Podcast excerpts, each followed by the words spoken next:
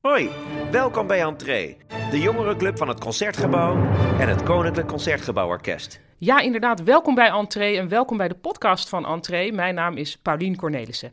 Elke keer mogen we een bijzondere opname laten horen. En elke keer praat ik ook over die opname met iemand die er meer van weet. En dit keer is aangeschoven in mijn werkkamer een man die nog even chef-dirigent en artistiek directeur van het Orkest van het Oosten is. En daarnaast eerste vaste dirigent van het Residentieorkest. En gastdirigent bij het Orchestre Nacional de Lille. En gastdirigent bij het Orchestra Sinfonica de Barcelona y Nacional de Catalunya, Jan-Willem de Vriend. Welkom Jan-Willem. Dankjewel. Ik heb het nog nooit zo mooi aangekondigd gehoord. Echt, ook zoals jij Catalonië Barcelona zegt, dat kan Dat- eigenlijk niet beter. Ja. Nou, ik had er ook op geoefend. Oh, oké, oké, oké. Ik had erop geoefend. Ja. Ehm, wat leuk dat je hier bent. Eh, we gaan het nu hebben over, eh, ten eerste over die zevende van Beethoven. Ik las dat hij het zelf nogal een geslaagd stuk vond. Oh, dat vond ik hem nog een bescheiden eh, opmerking van hemzelf. Ik vind Ja? het een, een meesterwerk en een topwerk. Het is gewoon eh, een van de beste dingen die hij geschreven heeft. Een van zijn Ja? ja? echte toppers. En ehm, eh, ja, dus met veel plezier speel ik het dan ook dan iedere keer weer. En zeker met het Orkest van het Oosten. En als je die symfonieën, want je hebt ze allemaal opgenomen, ook met het Orkest van het Oosten. ehm, is dit dan wat jou betreft ook de beste? Of dat nou ook weer niet? Nou, dat is altijd heel moeilijk om te zeggen, omdat je oprecht echt waar is het op het moment dat je in zo'n symfonie zit, dat je altijd denkt van, oh ja, nee, maar eigenlijk is dit de beste. Eh, onlangs deed ik nog ergens de vierde, en het is eigenlijk de minst gespeelde. En terwijl ik hem aan het doen was, dacht ik van, maar het is echt belachelijk, want misschien is dit eigenlijk wel de mooiste. Maar op het moment dat hij weer op je werktafel ligt en er komt de volgende weer tegen, dan denk je toch weer, oh nee, nee, nee, nee, wacht even, misschien is deze wel eigenlijk de beste. Dus ik vind het toch eigenlijk wel heel moeilijk om te zeggen. Maar die, ja, die zevende is wel echt heel speciaal en... ehm, eh, Richard Wagner, eh, die, die, die vond al, dit is de apothese van de dans. Ik bedoel, het heeft alles met beweging en dans te maken, deze symfonie. En dat maakt hem wel weer bijzonder in het rijtje van die negen. Ja, hey, en nou is het, eh, vind ik het ook wel interessant, wat jij zegt, ja, dat is bescheiden van Beethoven, maar eigenlijk zodra je iets aflevert, als componist, maar vast ook als dirigent, is het ook denk ik moeilijk om meteen te zeggen, dit is geslaagd. Ja, ontzettend moeilijk. En Beethoven was ook als de dood ervoor. Eh, het is bekend dat hij eh, bij een van zijn premières eh, van zijn symfonie, eh, de negende, daar stond hij naar, naar het orkest te kijken. Hij kon natuurlijk niet meer horen. Dus hij zat alleen maar te kijken of alles gelijk ging bij die strijkstokken en dat het gelijk was met de dirigent. En er was, omdat ze het zo'n moeilijk stuk vonden, nog een hulpdirigent bij aangesloten. En op een gegeven moment moesten ze drie keer stoppen tijdens die symfonie. Maar hij wist natuurlijk niet waarom. Dus hij zag alleen maar het orkest ophield en weer Oh. opnieuw begon. En dat er allemaal gedoe was. En hij scheen een soort paniek te krijgen en het huilen was nader dan het lachen. Tot iemand hem op de schouder stikte en zegt van je moet eens omkijken, je moet eens omkijken. En dat stond een beetje aan de zijkant verborgen. Toen zag hij het publiek en dan zag hij allemaal hoeden omhoog gaan. En mensen die met jassen aan het slingeren waren zo geweldig vonden. En die maakten zo'n lawaai dat het orkest eruit vloog en nog een keer moest begonnen, beginnen. En toen vonden ze het weer zo fantastisch. Begon ze weer zo te juichen en te joelen. Nog een keer. Dus het kon geen groter succes zijn als hij toen had. En dat heeft Beethoven wel vaker meegemaakt in zijn leven. Dat er zo'n succes was dat, ja, dat er ge- geschreeuwd, geroepen, geapplauseerd werd door de muziek heen. En heb jij zelf ook wel eens dat als je nou iets hebt ehm, ja, ge- gebracht, je nieuwe interpretatie van wat dan ook, dat je meteen weet, ja, maar dit is geslaagd?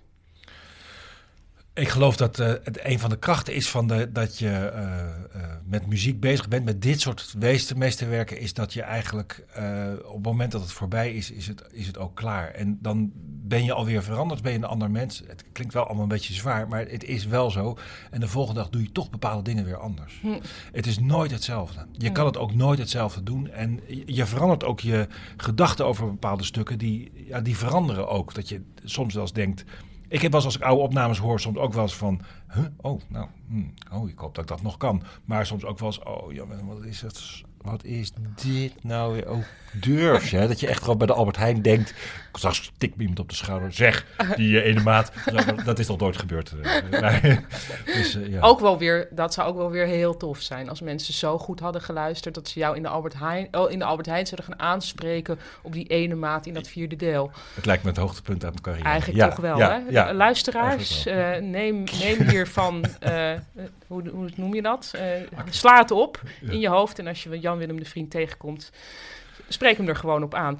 Ehm, het is zo, jij hebt natuurlijk eh, heel lang ook eh, gespeeld met het Combattimento Consort, ook opgericht. Dat hield zich voornamelijk bezig met oude muziek. Ja. Ehm, neem je die oude muziekervaring mee met een Beethoven? Uh, ja, want ook Beethoven en ook iemand als Brahms bijvoorbeeld, die waren enorm bezig met oude muziek altijd. Die uh, Beethoven die wilde ook die Dowlands en die uh, Purcells kennen. En dat hoor je soms ook wel eens terug, dat hij daarvan ja, een bepaald idioom van heeft uh, opgepikt. En dus het, is eigenlijk, ja, vind ik een heel vanzelfsprekend iets. ik, ik kan me enorm verbazen als je, als je heel veel van die oude muziek speelt en je speelt weer iets nieuws en je gaat iets verder in de geschiedenis. Je denkt van, jeetje, Mina zegt, hoe durft ze die componist dat te doen? En Terwijl wel eens een, een, een, collega waar je mee wel spreekt of zo, die dan dat, dat gevoel helemaal niet kent, die weer een heel ander aspect ziet. Hè, van, van, omdat hij dan weer, eh, zeg maar zeggen, uit Stravinsky komt en bij die muziek ja. terechtkomt. Dat is toch een beetje anders. Ja, dus voor jou is Beethoven misschien uh, klinkt revolutionairder dan voor iemand die zich me, voornamelijk met Stravinsky nou, ja, nou ja, dat zou zomaar kunnen. Ja, de jaren ja. 80, ja. Uh, we gaan zo direct overigens luisteren naar een opname uit 1967 uh, van het Concertgebouworkest onder leiding van de Duitse dirigent Eugen Jochum. Ik neem aan dat ik het zo min of meer goed uitspreek. Ja, of zoiets. Ik, ik weet het niet precies. Jochem, ja. uh, met een U. Um, maar we gaan eerst eventjes luisteren naar een favoriet fragment van jou. En dat is dan weer een opname van jouw eigen Orkest van het Oosten. uit het laatste deel van die zevende symfonie. We gaan eerst even luisteren. Ja.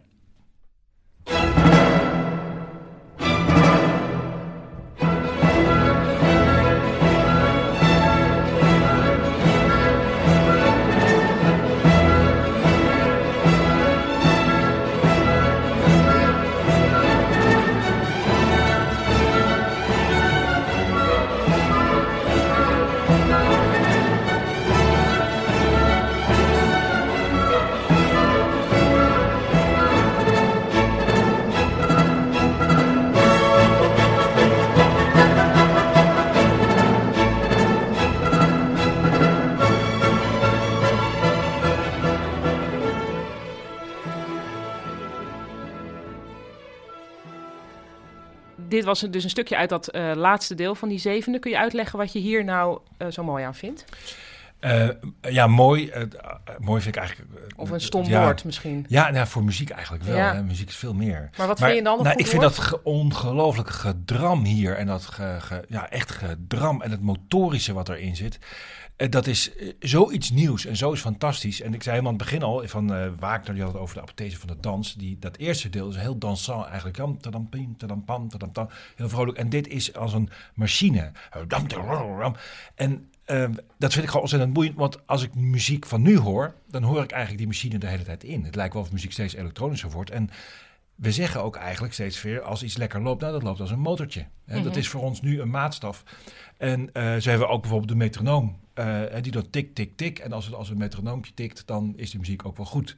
Nou, Beethoven walgde van die metronoom. En die, die, die schijnt echt schuimbekkend op zijn mond gezegd te hebben tegen een concertmeester. Terwijl die zei van, uh, maar uh, uh, Herr Louis, moet, die metronoom had toch gewoon... Metronoom, metronoom, dus noer voor de eerste vier takten. Dat moet je nooit doen. Oh. En het lijkt alsof hij in dit stuk... dat moet je ook niet met een metronoom spelen, maar dat, dat drama komt er echt in van die muziek. Wat nu eigenlijk heel vanzelfsprekend is.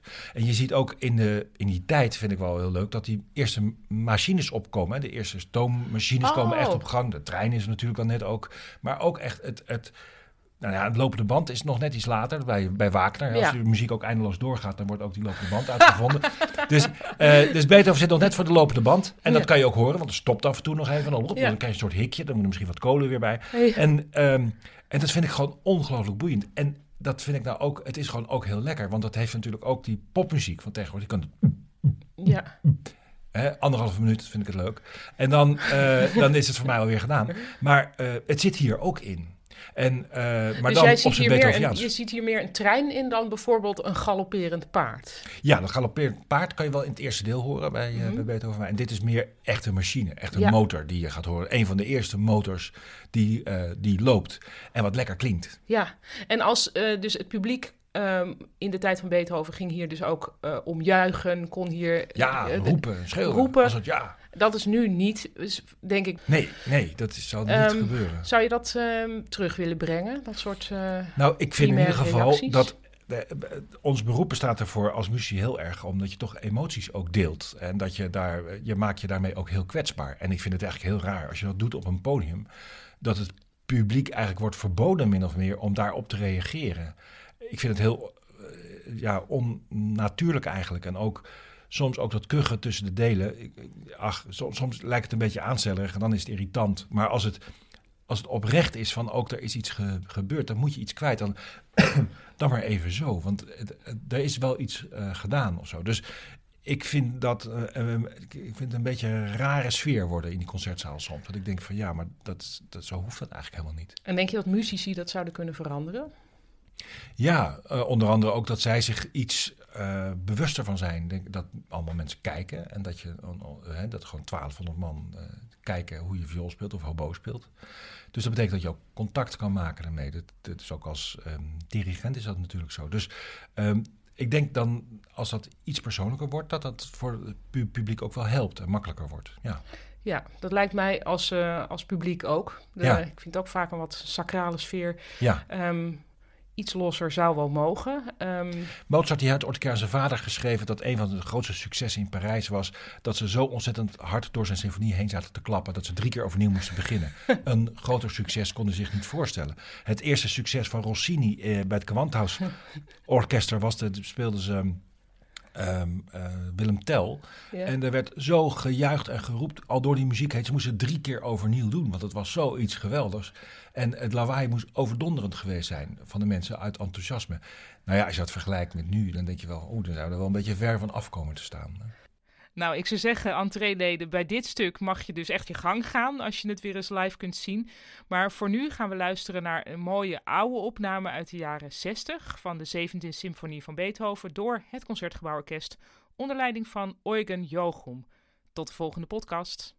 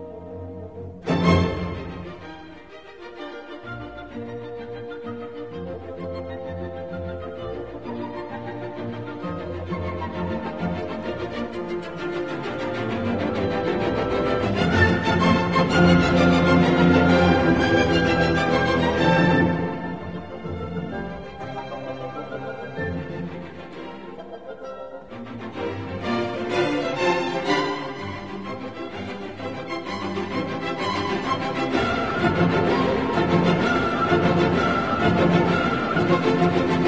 you.